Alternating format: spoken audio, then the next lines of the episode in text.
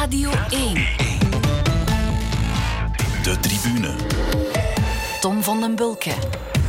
Een heel goede avond en welkom bij de allereerste aflevering van de Tribune. Vanaf nu je wekelijkse afspraak op maandag met tussen nu en acht uur de hete hangijzers uit de sport. Elke week zitten hier twee gasten aan tafel en de mannen die de spits mogen afbeten zijn Peter van den Bemt, de voetbalman van de radio, ons allen wel bekend, en Hans van de Wegen, sportjournalist en columnist bij De Morgen. Goedenavond heren. Goedenavond. Ja, voor mij voelt het een beetje als een eerste schooldag. Hans, jij bent al gewend om dit te doen, vooral in Nederland dan? Ja, maar, ja, maar uh, om zeven, van 7 tot 8 op Radio 1 is voor mij een soort heilig uur. Want dit was het uur van Luc Jansen. Hè. Maar het pensioen, daar kun je niet van weglopen natuurlijk. Uh, hoewel, de ene wel, de andere niet. We zullen het zonder Luc moeten doen in dit uurtje. In elk geval, Peter, jij geeft geregeld 45 minuten aan een stuk commentaar. Dus dit zal dan ook wel lukken, denk ik, hoop ik. zolang als je wil. Dus verwittig mij wanneer het voorbij is. Oké, okay, gaan we doen. Rut Joost zei daarnet dat jullie het wellicht niet altijd eens zullen zijn met Hopelijk. elkaar. Ik hoop Hopelijk. Het ook. Een interessant programma is alleen maar als er tegengestelde meningen zijn. Dus zelfs al ben ik het eens met Hans, wat waarschijnlijk niet het geval is, dan zal ik toch het tegenovergestelde zeggen om het een beetje levendig te Ga met plezier de discussie aan, zou ik zeggen. In de tribune gaan we praten over sport, dat spreekt voor zich. En daarvoor blikken we ook terug op wat zich de afgelopen week allemaal heeft afgespeeld. We gaan dat onder meer doen aan de hand van jullie momenten van de week. En Peter, dit is het jouwe. Maar een rode kaart nu ook voor Lamkelzee. Hij is daar gaan juichen, vrees ik, waar het niet mag. En hij had al geel gekregen. Rode kaart, Lamkelzee. Die is dan gaan juichen. Ik denk daar op de atletiekpiste daarachter. En dat mag niet. Hoe is dat nu mogelijk? Hoe is dat nu mogelijk? Twee keer geel voor Lamkelzee. En Antwerp moet nu nog met negen stand houden. Ja. Oh, hij laat zijn trui nog zien aan het volk. Hij doet dat nu niet. Ik blijf hier zitten. Ik ben hier de baas. Ik heb hier gescoord. Hij is zo zot als een achterdeur. It's not the first time he, did, uh, he do this kind of mistakes. He's a great player, but really stupid one. ik kan het niet beter zeggen. Dat was uh, dat is, Leo dat is, Refailov. Ja, dat is Leo Refailov. Ik vond de ingetogen woede van Refailov vond ik poëtisch eigenlijk. Ik, ik heb er geen enkele verdienste aan, voor alle duidelijkheid. Behalve dat ik snel naar beneden ben geweest en de micro onder zijn neus heb gehouden. Want hij had zelfs geen voorzet nodig. Het was ja, ingehouden woede uh, die toch veelzeggend was. Hij zei het op een propere manier, maar ik kan het niet beter vond het Great mooi, player, but very stupid. Mooi dat hij dat durfde zeggen, want veel spelers zouden dan direct naar een uh, cliché grijpen natuurlijk en, en iets anders zeggen. Maar ja. hij zei het wel dom gedaan van mijn ploegmaat. En, en het heeft natuurlijk uh, Antwerpen ook veel gekost. Hè. En ook over Mbokani over. Ja. Dus hij heeft niet alleen ja. Lamkelzee de mantel uitgeveegd op een beschaafde manier, maar ook Mbokani. Hij zei, ik kan me niet herinneren wanneer die nu nog voor het laatste keer een tackle heeft ingezet, maar wel nu, net nadat hij een gele kaart had gekregen. Dus er sprak ongelooflijk veel, veel frustratie uit. En het was, het was echt een zeer kwalijke, schadelijke avond voor Antwerpen. Ja.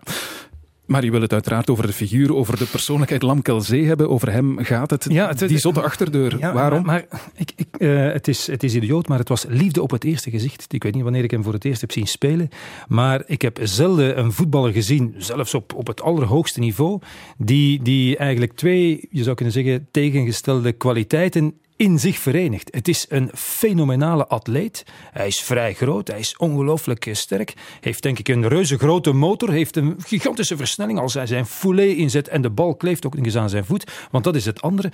Hij kan ook geweldig voetballen. Die truc die hij uithaalde in het begin van de wedstrijd over het hoofd van die tegenstander. Dus hij heeft eigenlijk alles, alles om misschien wel echt een hele goede speler bij een grotere club te worden in een echt grote competitie, behalve hersenen. Ja. En iedereen zal je zeggen dat om het te maken als voetballer, talent volstaat niet. Je moet er ook je hoofd bij houden. En oké, okay, je, hebt, uh, je hebt al wel eens voetballers uh, waar toch een hoek af is, maar die toch nog op een of andere manier ergens in de buurt van het rechte pad zich kunnen ophouden hun carrière lang. Maar ja, Lamkelzee, zijn zijsprongen, dat is, dat is aan de andere kant van de Hij heeft, toch, hij heeft volgens mij wel hersenen hoor.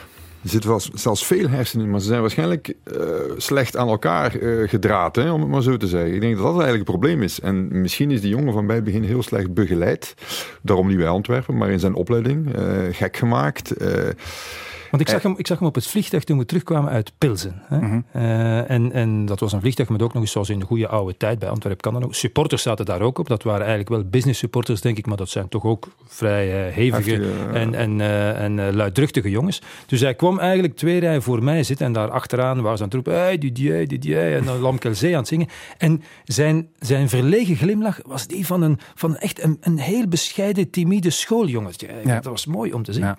Maar Hans, wat doe je ermee als jij trainer bent van Lamkelzee, meteen doorsturen naar de psychiater? Wel, of- ik heb er wel zo'n paar gekend eh, in basketbal in Amerika. En daar zetten ze eigenlijk iemand apart bij gewoon. Ja. Die die be- begeleidt. Eh, Oké, dat zijn dan jongens die, die eh, nu gemiddeld 9 miljoen euro verdienen per seizoen. En Lamkelzee zal dat niet verdienen. Maar ik denk, als je daar iemand bij zet, voor, voor 100, dat kost je 100.000 euro.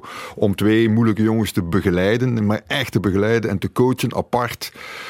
Ja. Ik denk dat dat kan helpen, eerlijk gezegd. Ik heb er bij andere ploegen ook wel zo gekend hoor. Die de weg kwijt zijn geraakt door gebrek aan begeleiding. Kijk, er- is denk ik in de kleedkamer op dit moment wel een gigantisch probleem. Dat Want heeft al zich twee ook keer op de vuist geweest ondertussen ook met ploegmaats. dat, ja. ja. Ja. Maar, hij, maar, maar hij, is- hij begon geweldig aan de wedstrijd. En eh, zijn tegenstander Svensson was het, denk ik, maakte een overtreding.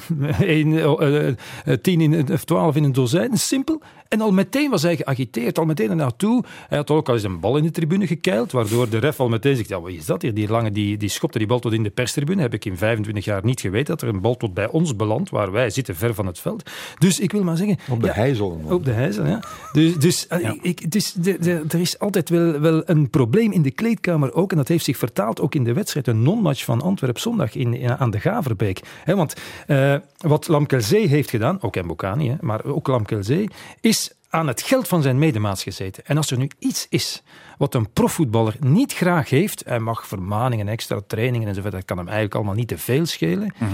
Maar aan zijn centen zitten, dat hebben ze toch niet zo graag. Maar klopt het dat bij Antwerpen eigenlijk dat Beleunie inderdaad wel vanuit het Roemeense systeem komt, maar dat er bij Antwerpen toch een klein klein beetje chaos is? Ik heb dat ook gelezen, maar daar, daar ben ik niet van op de hoogte. Dus dat weet ik eigenlijk niet. Dat weet ik eigenlijk niet. Dat- ik moet eerlijk zeggen, dat zou mij verbazen, maar vermits iemand dat eh, zegt of Maar ja, schrijft, als ik het wel- hoor van vorig jaar over, met Jelle van Damme was het ook al eh, heibel en, en, eh, en dan moet Jelle van Damme weg. Oké, die is al misschien al wat ouder. Ik denk dat ze daar toch een echt probleem hebben eigenlijk. Maar in kan ook geval- op training, dat, dat ja. gebeurt nog wel vaak. is Nu, nu, ik vind wel, en, en goed, ik hoef het zelf niet te doen, dus ik kan het makkelijk zeggen. Ik vind Lamkelzee het wel waard om het ondanks deze tragische week toch nog eens te proberen. Dus ik zal blij zijn als liefhebber en, en grote fan van de voetballer Lamkelzee, als hij er om twee over twaalf ook nog is. Ja. Want, want eh, het, het- ik vergelijk het een beetje met, met een, een directie op school. Hè. Je hebt moeilijke, onhandelbare kinderen en je hebt, je hebt directies die die wegsturen. En je hebt er anderen die daar toch mee aan de slag gaan. En elke keer opnieuw willen investeren. En elke keer opnieuw willen proberen om er uiteindelijk toch wat van te maken. En dat is dan niet voor geld, dat is dan uit een soort idealisme. Dus en hier heb je nog, je hebt, je hebt goud in handen. Als je die nu op het rechte pad krijgt, Ja. ja. dan, dan wordt dat een Hij miljoenentransfer. pleit voor het M-decreet in het, eh, in het voetbal. Wat Hans zei, een begeleider zou eens eh, van pas kunnen Ja, komen voor. Lamkelzee. Er stond nog een mooie vergelijking in de krant ook deze week in het laatste nieuws. Lamkelzee is als een IKEA-kast. Op het eerste gezicht geen ramp dat er wat vijzen ontbreken, maar de kans dat de boel instort is reëel. Vond ik Ja. wel een mooie. Vat het misschien een beetje samen. Maar ik moet zeggen, eh, om het af te sluiten, Ja. het kan nog altijd erger van het veld gaan. Ik herinner mij Michel Ranquin eh, aan de atletiekpiste in een Keulen Standaard. 50.000 Duitsers en die eh, bestond het om een Hitlergroet te brengen. dus voor 50.000, dan is, eh, dan Ja. is een koorknaap. hè.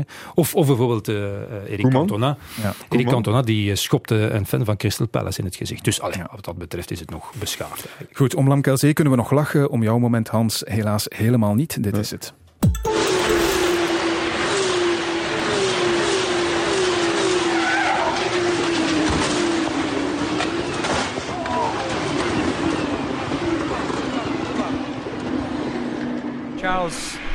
I'm sure mixed emotions there. We saw you step from the car, point to the sky. An emotional weekend and your first ever victory in Formula One. Congratulations. a very difficult weekend since yesterday. We have lost a, a friend, first of all. So yeah, I would like to dedicate my first win to him. Uh, we have grown up together. My first ever race, I've done it with, with Antoine when we were younger. And uh, yeah, it's just a shame what happened yesterday. We hoorden Charles Leclerc, de winnaar van de grote prijs Formule 1 afgelopen weekend. Hij droeg die overwinning op aan Antoine Hubert, de Fransman die een dag eerder om het leven gekomen is op het circuit van eh, Spa-Francorchamps. Het geluid van die crash, dat ging eh, echt wel door merg en been. Hans, wat wil jij kwijt over dit moment? Eh, ja, ik, ik heb eerlijk gezegd weinig met motorsport. Maar als ik dat soort dingen hoor, dan denk ik van... Ai, weer al, opnieuw. Nu, als ik dan ga eh, kijken... Formule 2 heeft geen reputatie van doden. Dus het is, dit is pure pech. Eh, in combinatie met het feit dat ik die bocht ken... of tenminste die helling ken... De Radion.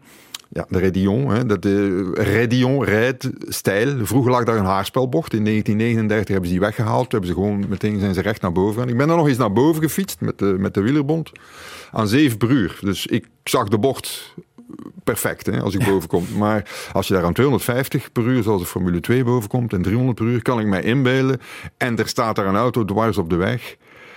Ja, dit is, dit is de pure pech, zoals we die al een paar keer eh, hebben, gekregen hebben in de sport, gezien hebben in de sport. En, en, uh, maar goed, dit is natuurlijk Formule 1, Formule 2, dat zijn gevaarlijke sporten. Hè. Ja, is dit dan op een of andere manier te vermijden? Want ik dacht, of ik had toch de indruk dat autosport toch veel veiliger geworden is ondertussen. Ja, ik, ik, uh, toevallig ken ik die, uh, iemand die aan die auto's werkt, aan die Dalaras. Want die, maken bijna, die komen bijna allemaal van dezelfde um, constructeur. Uh, dat zijn verschrikkelijk veilige auto's. Maar als je die natuurlijk op de, in de flank pakt.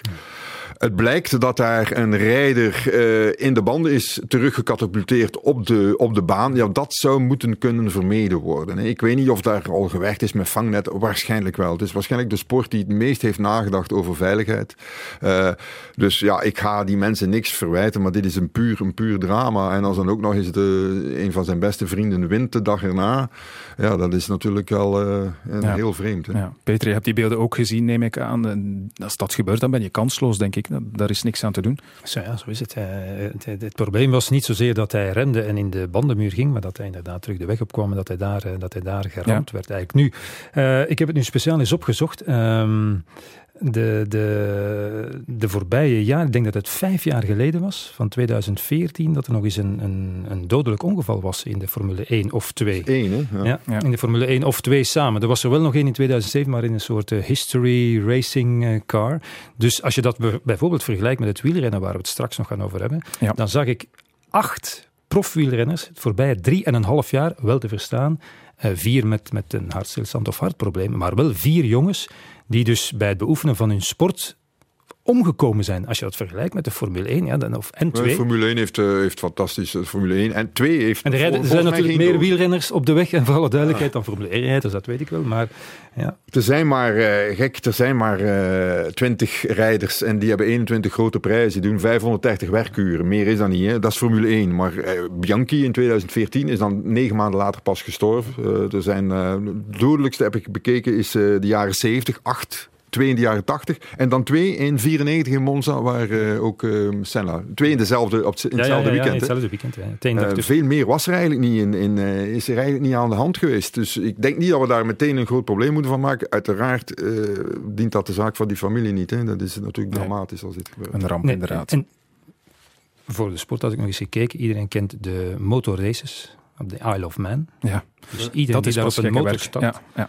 260. Ja. Elk jaar, okay. minstens één. Alleen denk ik in 2001, misschien hebben ze niet gereden, dat heb ik niet opgezocht. En daarvoor nog eens een jaar zonder uh, dodelijk slachtoffer, 81. Het is de meest bevreemdende uitzending die ik ooit gezien heb van Tom Waas. Reizen Waas was dit, dat, als hij op het Isle of Man ging. Ja. Ik, als je daar de, de, de dan vraag je je af, wat bezielt die mensen? Wat bezielt de die kick, mensen? De kick, ja, ja, de kick. Ja. Zeven keer zeven in één weekend. Ja. Zeven. Goed, veiligheid in de sport. We gaan het er straks zeker nog uitgebreider over hebben.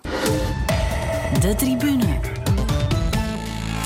Je luistert naar de eerste aflevering van De Tribune. Inderdaad, het programma waarin we elke week de sportactualiteit onder de loep nemen. En mijn twee gasten voor vanavond zijn Peter van den Bemt en Hans van de Wegen. Heren, voor ons volgende gespreksonderwerp keren we terug naar zondagavond naar iets over half zeven. En Chat die reageert snel. Hij meegeeft met Salemakers. Een kans voor Salemakers en de goal. Het is 1-0 voor Anderlecht. De man die eindelijk mocht spelen. De man die uit de gratie was. Hij doet het hier. Alexis Salemakers voor 1-0. Ik denk dat we vandaag niet de betere ploeg zijn geweest zoals normaal gesproken. Alleen ja, die drie punten zijn natuurlijk het, het belangrijkste. En uh, ja, daar zijn we heel blij mee allemaal. Ja, het. Ik denk dat we de voorbije wedstrijden getoond hebben dat we eigenlijk meer verdienen dan, uh, dan dat we hadden en uh, hebben. Het voetbal was wel wat minder. Maar oké, als we die nu kunnen combineren, dan winnen in het voetbal, dan komt dat zeker goed. Ja. Je hoorde Philip Sandler en Elias Kobout van Anderlecht na die verlossende overwinning tegen Standaard gisteravond. Peter, jij was erbij. Um, ja, het leek wel alsof Anderlecht de titel net veroverd had. Wat was dat allemaal? Qua ah, euforie kon dat tellen. Het was een gigantisch feest. Ik moet ja. zeggen, het is jaren geleden dat ik het uh, publiek van Anderlecht nog zo positief heb gezien. Niet alleen gisteren, want ja, nu was het gemakkelijk, maar ook in die wedstrijd tegen KV Mechelen, tegen Oostende. Ik denk dat het toch maar van vorig jaar geleden is dat het publiek bij 0-0 na 70 minuten nog eens een slechte paas zou zijn beginnen fluiten. Dat doen ze nu niet. En ja, ze werden gisteren beloond, zal ik maar zeggen, voor hun geduld. Dat is toch flink op de proef gesteld de voorbije tijd. Dus ik je kan er lacherig over doen, een paar uh, opmerkingen over maken, maar ik vind het wel normaal dat ze op die manier hebben gereageerd. Ook al is het dan maar, wat ik al heb gezegd, het is maar één zwaluw natuurlijk. Ja. Dat, maakt, dat, maakt, talenten niet, maar het was wel een mooie. Ja, Vincent Company pakt het wel... tegenstander, daar is een ander verhaal. Vincent Company pakt het wel slim aan. Hè. Hans, toch zeker in zijn omgang met de supporters na de nederlaag in Kortrijk, gaat hij zich bijna persoonlijk excuseren bij de fans. Gisteren ging hij zelfs mee op café na de match. uh, geeft dan een tournee generaal, koopt letterlijk tijd eigenlijk, zou je kunnen zeggen, terwijl hij al heel veel krediet had. Dat is, dat is wel slim gezien, denk ik. Ja, ja Vincent is uh, een en al charisma. En ja. die, uh, iedereen valt daarvoor. Ik moet eerlijk zeggen, uh, ik heb mijn zwakke momenten ook. als je dat daar een keer bij mag. Dat was vroeger. vandaag heeft hij bijna geen interviews meer. Dan, dan denk je van, goh, ik ben bevoorrecht om mm. met die man te kunnen praten. Hè? Vind ik. Mm. Echt waar. op persconferenties ook. Vorig jaar nog op, op de World Cup ja, Company kwam voor het eerst. Ja, dat, dat was, uh, die persconferentie was totaal iets anders. Hè. Daarvoor hadden we allemaal hele saaie jongens gehad. Maar dan komt Vincent, legt het allemaal uit. Doet het, ja, geeft iedereen zijn tijd om een vraag te stellen. Ja, fenomenaal figuur. En zijn, zijn voetbal, moet ik eerlijk zeggen... Uh, jij was ook niet negatief in Peter. Het was nee, nee. op bepaalde momenten echt wel mooi en goed. Alleen ja, kwamen ze maar tot aan, tot aan de 17 meter. Hè. Ik bedoel, uh, verder geraakten ze niet. Ja. Uh, maar nu, ja, Kees Salemakers, wat me wel verbaasd is, maar daar zal je misschien wel meer van weten, is er zijn wel een aantal spelers afgeserveerd waarvan ik denk van, van wie ik denk van, ah oh god, misschien hadden die nog wel een nut gehad. Bijvoorbeeld Sven Kums. Tribel. Het Rebel en Kums zijn misschien niet zo complementair, maar goed, dat is een ander verhaal. Uh... Ik zou graag, hè, want Sven Kums heeft gezegd bij zijn voorstelling in Gent, Company heeft mij een uitleg gegeven. En die was open en eerlijk en ik aanvaard die. Die zou ik graag kennen. Ja. Wat heeft Vincent Company gezegd aan Sven Kums? Kijk, daarom en daarom en daarom en daarom. Pas jij niet in hoe ik wil spelen? Dat ja. intrigeert mij wel, eerlijk gezegd. Dus ik zou graag hebben dat hij... En dat is blijkbaar, ja oké, okay, is plausibel. Ik neem aan dat uh, Sven het daar helemaal niet mee eens zal zijn. Maar nee. het, is wel, het is wel directe en open communicatie. En als na de nederlaag in Genk Company speecht in die kleedkamer... Ja, dan vallen de monden open natuurlijk. Dat kan je natuurlijk, denk ik, ook alleen maar in het Anderlecht van vandaag. Ik weet niet of, of Company hetzelfde zou hebben kunnen doen met een kleedkamer waar, waar Nielis en De Grijs en, en nog een paar sterke persoonlijkheden Deed hij dat bij City dat dan ook niet? Want daar heb je toch ook grote persoonlijkheden. Uh, Sergio Aguero en zo, die, daar moet je toch ook iets tegen zeggen? Ja, ja maar ik bedoel in de, in de gegeven omstandigheden. Ja, ja. Er werd redelijk veel gewonnen bij City natuurlijk. Dat is dat iets makkelijker om een speech te houden voor de beslissende wedstrijd als uh, de titel gaat gewonnen worden of nadien als hij gewonnen wordt natuurlijk. Uh, ik, ik, heb, ik heb wel hetzelfde gevoel als Hans, maar af en toe uh, in, in de voorbije jaren heb ik wel de indruk gehad, ja, uh, Vincent, hou het nu een keer simpel. Ik had altijd de indruk dat wanneer hij zich presenteerde, dat, een, dat presidentieel moest zijn. Hè? Ja. Dat, hij, een, dat hij niet gewoon eens een keer ja of nee kon antwoorden, maar dat het altijd met, met een soort filosofische bijgedachte en dat hij ook de wereld Waardoor hij wilde tonen, kijk, ja. ik zit wel op ja. een hogere denkschaal dan, dan de meeste voetballers. Soms ging hij daar een beetje, een beetje te ver in, vind ik. Maar, maar nog een keer, het charisma is, is uh, dat hij uitstraalt en de overtuiging die hij brengt, dat is wat Anderlecht op dit moment door de zomer heeft gesleurd. Hè? Hij speelt het niet volgens mij. Ik ben eens bij hem geweest in Hamburg en heel toevallig moesten we nog iets gaan halen op zijn kamer. En uh, zei, ja kom maar mee binnen en hou jij de deur tegen. En, en, uh, en uh, toen lag daar een boek. De Israëlisch-Palestijnse oorlogen door de geschiedenis heen. In Frans. Ik zei, Vincent, is dat bedlectuur? Ja, maar ik moet toch weten uh, wat er... Hamburg, hè? Dan spreken we over... Hoe oud is ja, je dan? Ja, 1920? Ja, ja, ja niet, zeker niet oud. Nee, nee. Uh, je moet toch weten wat er in de wereld is gebeurd? Ik zeg, ja, oké, okay, ja, goed. Ja, ja, ja. Zegt hij, uh, dat ga je niet schrijven. Hè? Dus hij wilde niet dat ik daar iets over schreef. Uh, later heb ik dat wel eens gebruikt. En nu ook. Dus, dus ik weet niet hoeveel jaar later. Twaalf jaar later of zo. Ja. Company is een heel, heel bijzonder figuur. Ik zie hem ook nog in de politiek terechtkomen. Maar ik had altijd, ik had altijd gedacht dat hij wel, een soort bestuursfunctie zou opnemen. Ik had eerlijk gezegd niet, niet gedacht dat hij trainer zou worden. Ja. Hij is, ook niet, hij is ook geen, ik weet het wel, hij is ook niet een soort trainer, maar hij heeft blijkbaar doorheen de jaren en, en door de vele contacten met natuurlijk Guardiola, zo'n zo inspirerende figuur, heeft hij toch ja, een, een zeer wel omlijnd idee gevormd van hoe hij het ziet, de aanpak in de kleedkamer, de organisatie van een club eigenlijk en de manier waarop hij wil voetballen.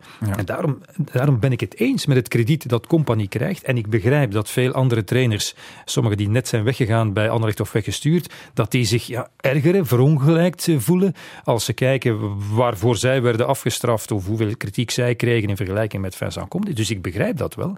Maar ja, hij introduceert iets helemaal nieuw. Uh, en en, en uh, is, is ook, ook doortastend in zijn aanpak. En, en er zijn, er zijn punten van kritiek te geven. Ik vind inderdaad dat hij te snel spelers de ene zet. De El Kababri kwam uit het niets. Jongens die het jeugdvoetbal uh, volgen, die zeiden wij begrijpen niet dat El Kababri aan de aftrap. Dus dat lijkt mij toch hmm. een redelijke fout. Verdwijnt dan. Salemakers is het beste voorbeeld. Maar misschien anders dan wij denken, heeft hij gezien die Salemakers zoals die hier nu rondloopt, daar wil ik niet van weten. Dus ik laat hem op, op een soort strafbank zitten. Ik laat hem keihard trainen, zoals Salemaker zelf heeft gezegd. Sinds drie weken train ik als gek. Dan heeft hij hem gezegd, als je zo traint, krijg je je kans. En hij geeft hem, misschien heeft hij hem gered voor Anderlecht. Ja. ook natuurlijk. Ja. Gisteren zien we hem dan zitten in de loge tijdens de wedstrijd. Al dan niet contact met de bank. Ik dacht het wel hoe dat precies ja, gaat. Ja, omdat zij altijd contact hebben met een aantal mensen in de tribune. Alle clubs hebben dat overigens. En in plaats van dat het, eh, dat het uh, een van die... Ik, ken alle namen niet van de hele staf van anderen. Daar zitten altijd twee mensen die in contact staan met de bank. En nu was dat ook het geval. Alleen was dat nu ook compagnie. Ja, Simon Davis is dan uiteindelijk de man die het daar moet doen langs de lijn. Ik heb wel nog altijd niet geen, geen duidelijk idee wat ik van die man moet denken, welke indruk hij op mij maakt. Minder charisma. Ik vind zijn uitleg wel, uh, hij geeft wel uitleg. Het is niet zo dat hij afleest van een papiertje wat Vincent Company tegen hem zou hebben gezegd, denk ik. Oké, die overleggen wel vaak. Uh, ik vind eerlijk gezegd ook heel vreemd. Ja, oké, het is de bescherming van de trainersbestand en de pro-license enzovoort. Ja. Dat Company niet op die bank mag gaan zitten en gewoon brullen. Ik bedoel, de, de, de eerste, de beste soigneur, om het maar zo te zeggen, die mag daar uh, van alles roepen, zelfs tactische dingen roepen, en dan compagnie mag dan niks zeggen. Nee, maar ik, vind, ik, vind, ik ben het er wel mee eens. Je moet inderdaad wel afbakenen wie een trainer kan zijn. Het is vreemd inderdaad dat je daar niet naast zit, want iedereen roept er. Maar dat men zegt, kijk, om trainer te zijn van een uh, ploeg in, op het hoogste niveau, moet je wel die en uh, dat en dat diploma hebben. Daar ben ik het wel mee eens. En als je dan Vincent Compagnie heet, ook. Het kan niet zeggen, Belossin die wordt achtervolgd in zijn auto om te controleren of hij niet T1 is van Kortrijk. Ja, dan ook dezelfde regels voor, eh, voor compagnie natuurlijk. Ja. Vandaag sluit de transfermarkt. Is Anderlecht nu ja, voldoende gewapend? Want ik denk niet dat er nu nog een spits bijgekomen is. Op zich, op zich dat spitsenverhaal blijft vreemd natuurlijk. We zijn vandaag 2 september en er komt geen spits. Het is nog altijd wachten op een geblesseerde speler. Dat is toch Anderlecht zijnde bijzonder, bijzonder opmerkelijk. Ik denk dat ik ik, ja, ik ga mezelf herhalen, maar ik heb het al een paar keer geschreven. Hè. Er is zoiets sinds twee jaar als de Financial Fair Play. Hè. En Koeken heeft die al opgerokken, opgerekt, zal het zijn zeker waarschijnlijk. Mhm. Tot in het oneindige. Heeft vorig jaar een kapitaalsverhoging van 30 miljoen doorgevoerd. Meer mag niet. Dus er moeten daar inkomsten tegenover staan. De inkomsten zijn ook verhoogd, maar niet in die mate. En als je kijkt naar Anderlecht, wat zij de afgelopen jaren hebben gedaan. Van de tien duurste inkomende transfers hebben zij er vijf. Maar dan noem ik er een paar op. Sané. Sané, 8 miljoen. Niet meer mee. Ja. Nee, dat rijmt ook nog. ik heb er nog een paar. Um, Stanchu zit daar ook bij. 9,5 dacht ik. Mhm.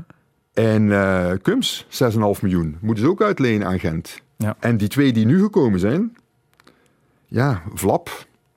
We zullen ook wel zien of die, die zat nu al op de bank. Is dan wel ingevallen. Heeft wel een, uh, een open doelkans gemist. Maar goed.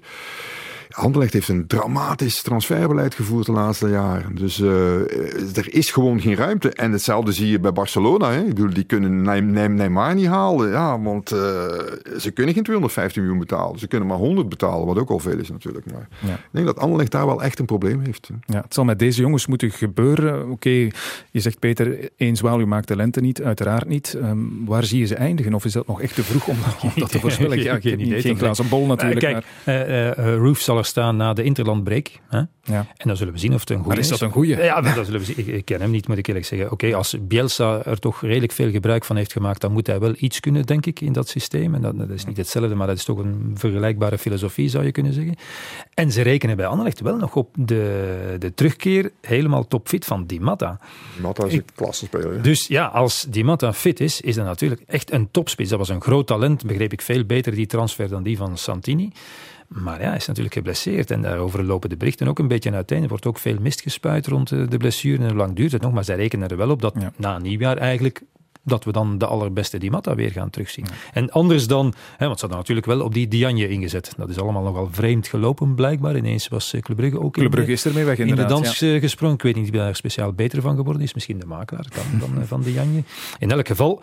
en dan hebben ze beslist, ja, gaan we nu nog als over kop op de laatste dag nog een spits halen? Of doen we het met wat we eigenlijk voor de zomer van plan waren? Want Company wilde blijkbaar toch het, vooral die roof, omdat die best in zijn systeem paste.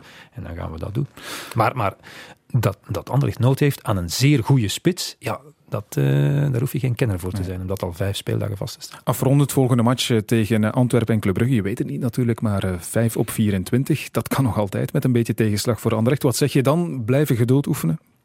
Ik vind van wel. Kijk, je hangt daar nu toch onderin. Hè, en op een bepaald moment, eh, ofwel gaat het, begint het te lopen, dat zou nu kunnen. Hè. Ja, je zag toch dat er ongelooflijk veel frustratie en, en, eh, en eh, zeg, onzekerheid van die spelers afvloeide. Zeker jonge spelers die op het eh, hoogste niveau komen kijken. Dus misschien zijn ze gelanceerd. Maar het kan in principe, als je met zo'n jonge spelers gaat werken, gaat het altijd op en af gaan. Die gaan misschien eens kunnen pieken een paar weken, maar die gaan toch eens terugvallen. En, in, en, en gisteren hebben ze zich geweldig geweerd in wat toch een topwedstrijd is, onder hoogspanning tegen een standaard dat in principe in vorm is, buitenhuis altijd wel een beetje minder is. Dus dat is wat dat betreft hoopgevend. Die twee backs, ik vond dat die het nu gisteren echt goed hebben gedaan, maar dan denk ik als ze nu echt tegen topspelers in topvorm komen, ja, hebben ze dan genoeg verdedigende kwaliteiten. Want wat ik gisteren voor het eerst heb gezien, en dat, dat miste ik in de vorige wedstrijden, was een soort ja, gedrevenheid en grinta en, en energie vooral in de duels. hè. Eh, met, met Salemakers dan als exponent ervan. Dus dat, dat Anderlecht dat aan zijn spel kan toevoegen, ja, dan, dan zit er misschien wel muziek Ik, in. ik denk dat we Anderlecht moeten behandelen zoals we Ajax destijds hebben behandeld. Hè. Ik bedoel, eh, of zoals in Nederland Ajax is behandeld. Oké, daar is een keer mee gelachen. Maar je zag gewoon dat er progressie was. En uiteindelijk, ik denk niet dat Anderlecht ooit de halve finales van de Champions League zal spelen. Maar Ze hebben wel klassespelers Ze hebben uit, uit eh, de Premier League gehaald. En, en oké, Blind was nu niet, niet meer echt basisspeler bij Man United, maar Tadic, toch heel, ja. veel, heel veel kilometers op de tel. Maar die Tadic was echt, ik heb het toen opgezet, dat was echt vaste, vaste Maar waarde. het verschil is, Peter, dat eh, Ajax met, een, met, een, eh, met 80 miljoen euro op de bankrekening staat. hè. Ja, ja, Dat is een verschil, hè? Goed, geen Europees voetbal in elk geval voor Anderlecht dit seizoen. Wel voor eh, Club Brugge en Racing Genk in de Champions League. Daar gaan we het zo meteen over hebben. De tribune. Dit is de tribune, inderdaad de plaats waar we doen wat we graag doen. En dat is over sport discussiëren. Bij mij zitten nog altijd Peter van den Bemt en Hans van de Wegen. En we blijven nog even bij het voetbal. Want voor het eerst sinds het seizoen 2005-2006 heeft België twee ploegen in de Champions League. Racing Genk loten daarin Liverpool, Napoli en Salzburg. En Club Brugge komt straks uit tegen Real Madrid, PSG en Galatasaray. Dit waren enkele reacties uit beide kampen. Eerst Dimitri de Condé van Racing Genk. En dan Philippe Clément, trainer van Club Brugge. Tegen de Champions League winnaar spelen, Liverpool. Unieke ervaring sowieso, onvergetelijk. Napoli, voor onze Italiaanse gemeenschap top. Dus heel veel beleving rond het stadion in Genk, denk ik. Eh Dries Mertens, Koulibaly, jongens die we kennen, dus iets extra. Salzburg, voor de sportief directeur de minste. Salzburg is gewoon een, eh, een unieke en een hele goede ploeg. De vorige twee lotingen waren meer eh, van het ja, sportief interessante niveau. Dit is een andere loting. En dit, is, ja, dit zijn wedstrijden. En dat is misschien wel speciaal voor ons. Dat we vooral heel veel te winnen hebben en heel weinig te verliezen. Maar ik ben heel benieuwd wat onze jongens op dat niveau kunnen brengen. En zij zullen er ook heel benieuwd naar zijn en super gemotiveerd voor. Wij zijn eh, meer dan benieuwd samen met Philippe Clément. En wat ik ook wel eens wil weten, Peter, waar ga je straks het liefste naartoe eigenlijk om commentaar te geven? In welke zin? In welk stadion wil je het liefst gaan zitten straks? eh, Want er zijn natuurlijk heel veel mooie ploegen bij. hè? Eh, ik ben overal al geweest. een luxe probleem eigenlijk. Uh, ja, maar, maar uh, Napoli is fantastisch om naartoe ja. te gaan in die, uh, die oude barak waarvan ik elke keer denk dat ze klaar is om in te storten. maar Enfield Road, ik heb daar een paar wedstrijden gedaan, vorig jaar onder meer, die memorabele comeback tegen, tegen Barcelona. Dus dat staat dan toch misschien ook bovenaan. Ja. Ga jij straks ergens mee op verplaatsing, Hans? Nee. Nee, nee, nee, dat doe ik niet, nee. nee. nee. Ik, ik kijk verschrikkelijk veel televisie. Mm -hmm. Uh, ja, nou, nou goed, bedoel, ik, ik, ik volg ook nog andere sporten. Hè. Dat is een beetje het probleem op de duur natuurlijk. Hè. Dus als je ergens heen gaat, dan ben je drie dagen weg. Uh, ik ben uh, vorig jaar wel eens mee geweest met Filip Joos. Atletico tegen Barcelona. Ja. Ik vind het altijd heel boeiend, een stadion. Maar er zijn stadions bijvoorbeeld in België, ik weet niet of mensen dat weten. Ik kan fysiek gezien niet in Club Brugge. Hoezo? Ik kan niet in de perstribune in Club Brugge, fysiek gezien. Ik ben 1,93 meter, 93, ik kan daar niet De bank is te klein. Ja. Maar ik kan er nog net in. Ja. Pander heeft dezelfde bank over. Het zijn die van Euro 2000 nog. Ja, ja, dus het is uh, voor mij al een probleem. Ik heb een slechte rug en dan denk ik van... God, ja, waarom zou ik mij... Uh, als ik op televisie het veel beter zie... Bovendien wordt het ook nog eens uitgelegd door mensen die er meer van kennen dan ik. Ik geef dat grif toe. En dan denk ik van nee. Oké. Of je nu naar het stadion trekt of uh, kijkt ben, op televisie. Ik, ben, ik, ik, vind, ik vind om een voetbalwedstrijd echt goed te kunnen inschatten, moet je ze toch live gezien hebben. Omdat, en zeker om commentaar te geven, uiteraard. Hè, ja. Ik weet dat er heel veel commentaar gegeven wordt op televisie. Dat vind ik een nachtmerrie. Ja. Maar om te kunnen kijken wat er zich afspeelt buiten het beeld, en soms is dat ook wel interessant, hoe wordt er bewogen, ja, moet je toch mm. in het stadion. Oké, goed. Of je ze nu op televisie gaat zien of in het stadion, maakt uh, uiteindelijk niet zoveel uit. Hans, uh, Peter, het zijn inderdaad in elk geval fantastische wedstrijden die eraan komen. Twee loodzware poules ook. Wat verwacht je ervan om te beginnen, Club Brugge? Maar uh, als je ziet, Club Brugge heeft al heel veel moeite gehad met Lins. Hè? Ja. Met het, met het wel zeer bijzondere voetbal van Lins. Dus om nu maar te zeggen, Club Brugge maakt een zeer goede kans om, uh, ik, ik, lees zelfs tweede, je zit wel in een pool met PSG en Real, te worden. Dat, dat, lijkt mij redelijk optimistisch. Nu, het grote voordeel is dat uh, die absolute topploegen in de poelenfase vaak nog niet 100% zijn. Ik denk dat we allemaal kunnen zien dat Real helemaal niet draait. PSG ietsje beter, nee, maar zou nu toch, nou, toch blijven. Dus daar liggen misschien wel mogelijkheden.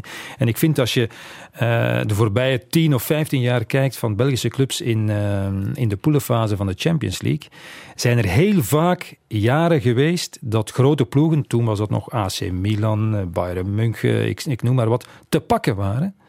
Maar de enige ploeg die ervan geprofiteerd heeft van mindere vorm van de zogezegd grote ploeg is agent geweest. Mm -hmm. Ik zag Monaco in de zomer tegen Valencia spelen. Ik dacht, uh, uh, of, of, Valencia, sorry, tegen, tegen Monaco spelen in, uh, in de zomer. Ik dacht, ja, 7-0 tegen Gent. Ja, ze vielen tegen en het was niet hetzelfde Valencia. Dus dat, daar zal het op aankomen om, als er mogelijkheden zijn, als ze niet top zijn, want als PSG en Real Madrid top zijn, ja, dan heb je geen enkele maar kans. Maar Valencia en Zenit is natuurlijk ook niet te vergelijken met nee, nee, PSG nee, nee, en, en, Real Madrid. Nee, nee, nee, nee. Lijkt mij vrij duidelijk. Mijn gevoel zegt wel, Hans, maar ik kan mij vergissen natuurlijk dat Club Brugge er wel meer klaar voor is dan, dan Racing Genk. Of ja, ben ik fout? Racing Genk is uh, leeggekocht. Hè? Ja. Ja. En ook nog een keer de trainer weggehaald. En uh, ook nog een keer de helft nu van de marketpool moeten ze afgeven aan Club Brugge. Want die hebben zich ook kunnen plaatsen. En dat is dat extra geld dat er nog uitkomt. Maar ik vind, maar, dat, ik vind dat het bij Racing Genk ongelooflijk meevalt. Om die te zeggen dat ze. Er zijn twee heel belangrijke spelers weg, uiteraard, met, met uh, Trossard en Malinowski. En Potzuelo mag je daar misschien ook nog bij tellen. Maar ze hebben, iets, ze, iets, iets ze, langer ze, weg ze al. hebben Maar. al drie maanden gespeeld zonder, ja, zonder Potzuelo zijn ze kampioen geworden. Ja, met een, een lichtjes ander voetbal, maar toch. Maar, maar uh, hou Rosowski in de gaten. Die, ik kan niet zeggen dat zijn traptechniek die van Malinowski evenaart. Maar ik heb hem uh, in die wedstrijden met Pilsen, zeker de terugwedstrijd, hier vond ik hem niet zo goed, maar de, de terugwedstrijd in Pilsen, vrije trappen, uh, corners, ja, dat is fenomenaal. Dus hij neemt hij nu. Ik denk dat Rosowski dat binnenkort misschien wel gaat doen.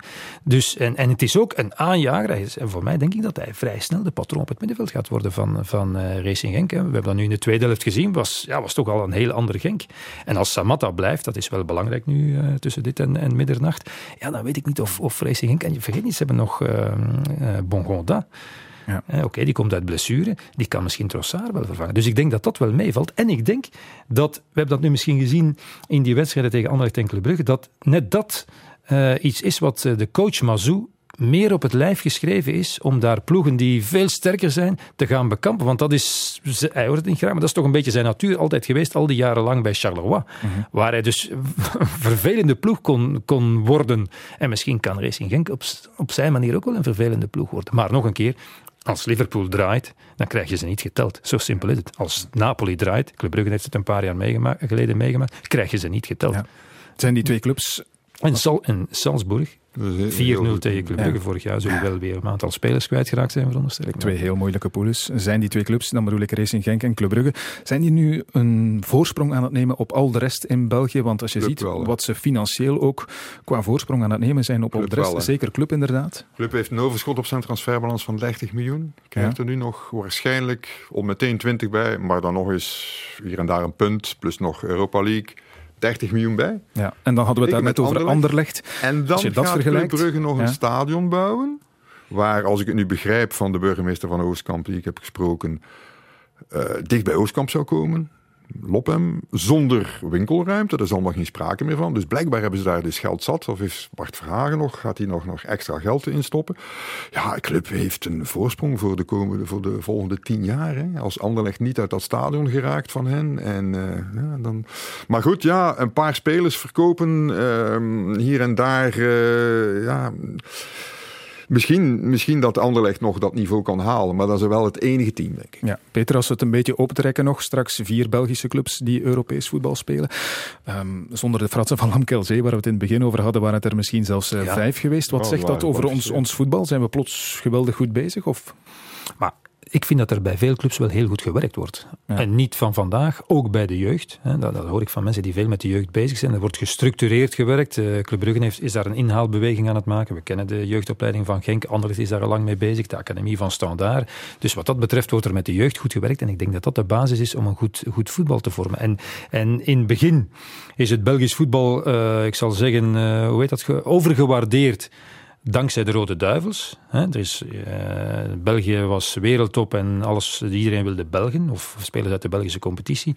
Ondertussen denk ik dat het, ja, dat het niveau in zekere zin wel een beetje opgekrikt is. Maar je mag je niet blind staren op ineens het aantal deelnemers uh, aan, aan, uh, aan de groepsfases. Ja. Het had voor Club Brugge ook anders kunnen lopen in Kiev, bijvoorbeeld, zeg ik maar. Of zelfs in de openingsfase in Linz. Dus je moet wel een paar momenten hebben waarop het net een keer meevalt. En, en ik denk dat het twee of drie jaar geleden is dat we nog wel een keer, we hebben dan drie of vier gehad na nieuwjaar. Dus wat dat betreft, om dan daar de vinger op te leggen, dat weet ik niet. Als je dan kijkt naar de, de financiële toestand, zoals die uh, een paar maanden geleden door de, de Pro League, of door Deloitte en Touch, mijn opdracht van de, de Pro League werd uh, gepresenteerd, ja, dan weet ik niet of we er zo geweldig uh, voor staan. En dan spreek ik natuurlijk niet over Genk of Brugge, die wel. Maar als je het hebt over, in, over de globaliteit van het Belgisch voetbal. De G6, die doet het goed, hè? Ja. Ja, maar wij hebben, ja, die, die, ik denk, on, ons onevenwicht is nog minder dan dat van Nederland. Hè. De gemiddelde, volgens Transfermarkt dan weliswaar, maar goed, uh, dat is een bekende site, is de gemiddelde waarde van een eerste klasser bij ons 47 miljoen, dik 47 miljoen euro. In Nederland is dat maar 46 miljoen. Maar in Nederland heb je natuurlijk Ajax, dat daar heel ver boven zit, en PSV en zelfs een beetje Feyenoord. En al de rest, dan heb je ook de Excelsiors van deze wereld, uh, of Sparta, weet ik veel. Ja, die, die, stellen veel minder voor. Die hebben we eigenlijk bijna niet. Dat is zelfs niet eens Eupen. Hè. Ja. Dus wat dat betreft denk ik dat we er uh, goed voor staan in België. Okay. De tribune. In de tribune praten we over sport, dat was je wel al duidelijk, denk ik. Sport is amusement, maar sport is ook keihard. Zeker de voorbije weken. Zaterdag nam de autosport afscheid van de Fransman Antoine Hubert. En vandaag, precies vier weken geleden, liet Björg Lambrecht het leven in de Ronde van Polen. Twee jongens van amper 22 jaar die er niet meer zijn. En de gevaarlijke toestanden blijven de actualiteit beheersen. Zoals deze dagen ook weer in de Ronde van Spanje.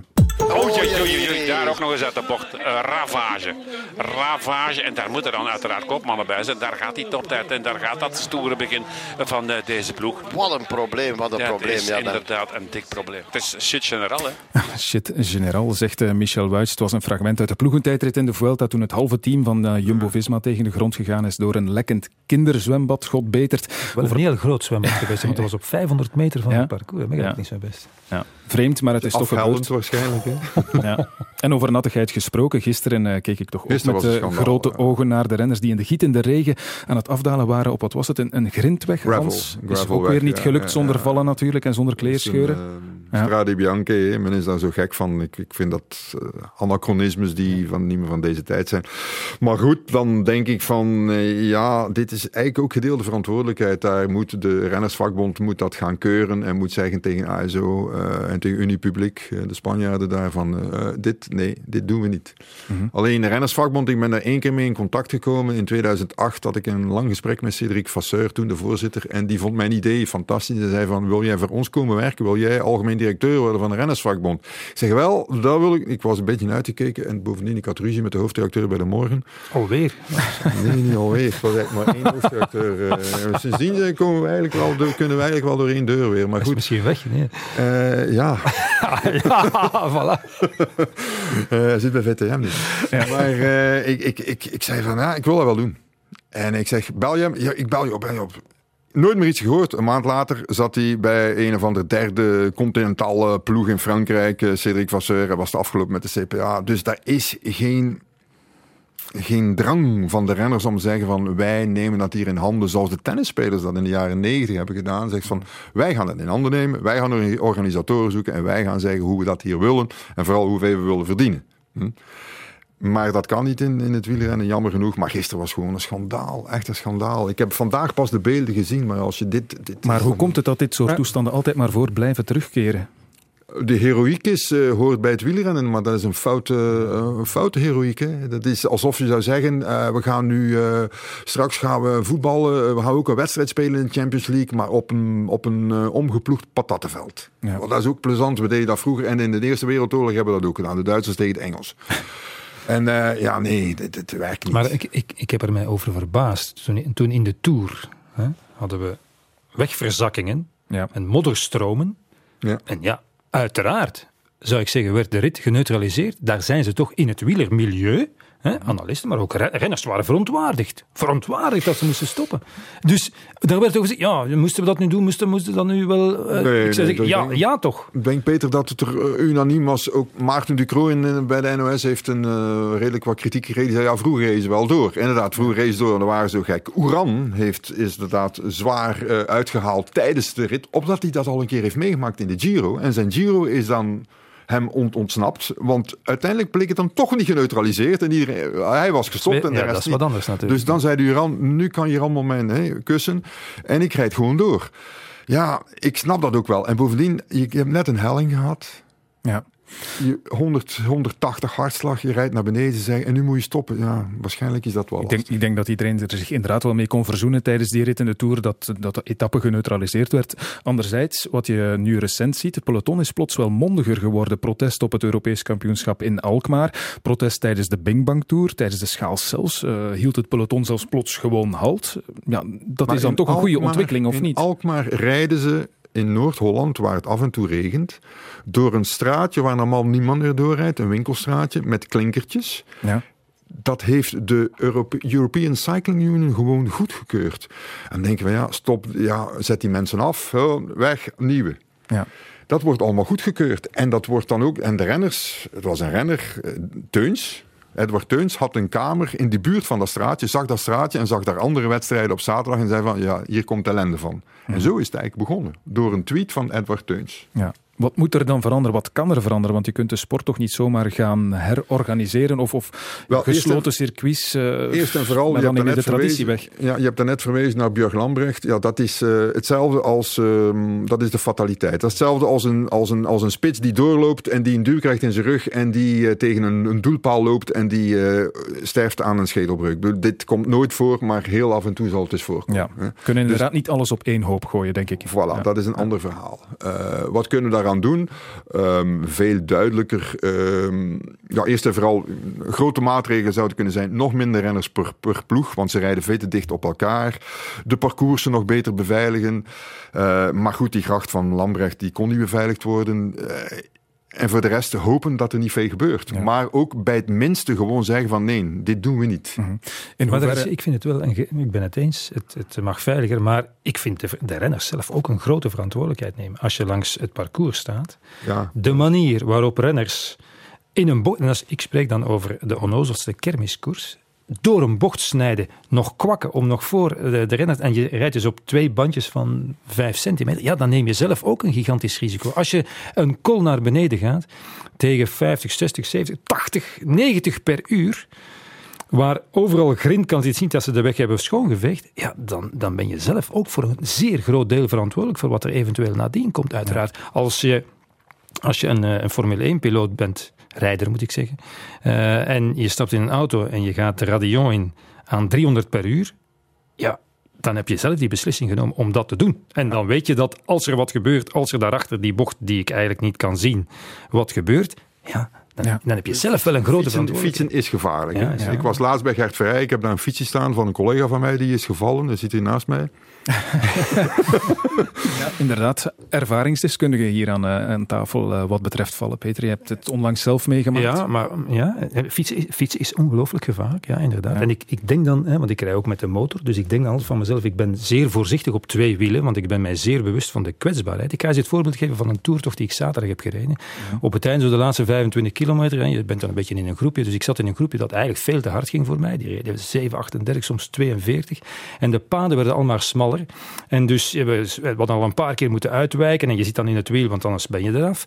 Dus ja, op een kilometer of 10, 15 van het einde heb ik gewoon gedacht, ja, hoewel het nefast was voor mijn mooie gemiddelde, ja, ik ga lossen, want ik ben bang. Want ik was natuurlijk de week voordien op een auto geknald. Overigens volledig mijn eigen fout. Dus ik dacht, ja, ik, ben, ik, ik, ik, had, ik was bang. En ik was al net voorbij een groepje mensen gereden waar een, een andere wielertoerist op de grond lag. Redelijk veel bloed erbij. Dus ja, het is ook gevaarlijk. Dus die beslissing die neem je dan toch zelf om te ja. blijven hangen en denken, hop, hop, hop, twee, drie keer ontsnapt en langs een paaltje. En, want als je in zo'n, zo'n uh, ik spreek nu als ja. van, van het laagste niveau, en je zit in een wiel, je hebt ook geen zicht op de putten voor je. Dus ah, is, ja, en dan beslis je ofwel blijf je nog hangen ofwel ga je eraf. En ik ben natuurlijk geen prof. Hè. Profs moeten... Ik kom nog even terug op wat je zei over de renners, die zelf de risico's ook nemen natuurlijk. Er wordt dan uh, naar hen gekeken, gesproken van een systeem met gele kaarten. Hans, uh, daar was sprake van bij monden van uh, Staf Scherlings van de rennersvakbond die daarmee kwam. Gele kaarten. Wie te veel risico neemt, krijgt een gele kaart. Hoe, hoe renners, zie je dat werken? Er zijn renners nu natuurlijk die veel te veel risico nemen. Die door een peloton rijden en iedereen in gevaar brengen. Er zijn er maar een paar. Er zijn ook renners die in de spurt zeggen, oké, okay, de dood of de gladiolen. Hè? Simpel. Er is zo'n Franse renner die een prachtige uitspraak heeft, maar ben ze nu vergeten. Uh, je zou, nee ja, prachtig, prachtig gezegd. Maar je zou eigenlijk bij de spurt kunnen zeggen: kijk, dit wordt een massaspurt. De toegewezen renners mogen nu spurten. Je kan zeggen: ja, kan dat? Ja, dat kan. Hè. Dat kan zeggen van er mogen nu nog drie renners per team mogen nog aan die spurt deelnemen. Want nu zie je dus al die treintjes naast elkaar. Bij het minste dat er misgaat, is er een gigantische valpartij. In de spurt moet ik eerlijk zeggen, wat je vaak ziet in de spurt, is dat ze weten ze kunnen, dat ze kunnen vallen, dat ze zich daarop voorbereiden en dat ze eigenlijk allemaal weer recht staan achteraf en alleen met schaafwonden over de, over de streep komen. Andere ja. valpartijen zijn veel gevaarlijk. Maar wat moet je doen met de, be, de beveiliging van een of andere bergetappe waar ze naar beneden knallen aan 90, 95 per uur? Ze zijn van de Calibier naar beneden gereden. Ik ken die afdaling aan 95, 100 per uur. Ik rijd daar 60, 70. Ja. En ik, daar is één bocht. Als je die mist, dan is het gewoon 300 meter naar beneden. Mm -hmm. ja. Afgelopen. Ja. En daar is geen, geen vangnet zoals in skiën. Nee. Dat Con zou allemaal moeten verbeteren. Concreet toch nog eens, Hans, over die gele kaarten. Zie je dat gebeuren in de koers? Nee. Plots gele kaarten aan de renners beginnen te geven? Nee, maar ik, ik niet, de, jury, de jury natuurlijk, uh, daar zit geen, geen VAR er gaat, op. Er gaat geweldig veel discussie zijn, altijd. De VAR gaat er moeten aan te pas komen. Je zou jury voor, achter, ja. midden moeten hebben. En dan krijgen we weer de discussie, waar moet de jury op zitten? Op een motto? Op een auto? Maar er zijn al zoveel auto's en motoren in het peloton. Mm -hmm. Te veel, zeggen de renners. Ik denk het niet. Ik denk het niet. Of je zou met vaste circuits moeten werken. Bijvoorbeeld, je rijdt luik bastenaken luik op het circuit in Francorchamps. Maar dan neem je alle charme weg. Ja. Dat is de dood van het wielrennen, toch? Als je, als je de Ronde van Vlaanderen ergens op een, rond, een circuit... Nee, de, de grote charme van, van ook de Ronde van Frankrijk is ja, rijden Van door, door, de landschappen. Door ja. de dorpen ja, ja, en de landschappen, dat klopt, ja, inderdaad. Maar uh, charmers moeten er misschien eens aan geloven uh, om, om, het, om het veiliger te maken. Of de renners moeten het anders gaan bekijken. Als je een peloton van nu bekijkt, vandaag... En je bekijkt het uit de lucht en je bekijkt de peloton van in de tijd van Merckx, dan reden ze in de tijd van Merckx op 1 meter, anderhalve meter van elkaar. Nu rijden ze op anderhalve centimeter van elkaar, bij wijze van overdrijving. Hm. Er is heel veel over gezegd de voorbije weken. Wij doen het nu ook weer. Maar denk je, afrondend, gaat er iets veranderen? er gaat niks veranderen. Nee. Nee. Er zullen parcoursen worden afgekeurd. Uh, renners zullen sneller iets zeggen. Maar de Bernie Eisel was destijds ook al uh, vrij heftig in zijn commentaar. Meer en meer renners doen dat nu. Onder andere ook Belgen, wat vreemd is. Want die zijn gewend van uh, op hele rare wegen te rijden. Mm-hmm. De Klerk heeft het onlangs nog gezegd dat het fout was. Maar veel zal er niet echt veranderen. Omdat wielrennen nu eenmaal die sport is. Oké. Okay. We moeten al afronden, vrees ik. Het is voorbij gevlogen. we hebben teruggeblikt op wat geweest is. En we gaan toch ook nog even vooruitkijken naar wat er nog aankomt. Er komt een nieuwe sportweek aan natuurlijk, Hans-Peter. Waar kijken jullie het meest naar uit? Ik zeg maar wat, de Van Damme Memorial, de finale op die US Open. Uh, ik Peter, ben nu al wild van San Marino. San Marino. Ik kan niet wachten om uh, de slag uit te brengen. Ja. Uh, het, um, ik, ik, gisteren is het WK basketbal begonnen. En daar wil ik wel eens zien wat die Amerikanen met de slechtste ploeg in jaren zeggen. Ze wat die er gaan van bakken. Maar misschien hebben ze eigenlijk wel een team. Want vroeger was het met een serie serie vedetten die zijn eigen stats uh, wilde verzorgen. En straks komt het WK uh, rugby er ook aan, de World Cup, maar dat is nog even. Oké, okay, dan kom je maar eens terug. Het is voorbij gevlogen als je het mij vraagt dat eerste uur. Mocht je een deel gemist hebben of wil je deze en volgende aflevering op een andere manier beluisteren, wel, dan kan dat. Elke week komt er ook een podcastversie van de tribune. Ik verwijs je daarvoor heel graag door naar de collega's van sportza.be. Die brengen dat wel in orde. Nog een hele fijne avond. Dankjewel Hans van de Wegen, dankjewel Peter van den Bemt.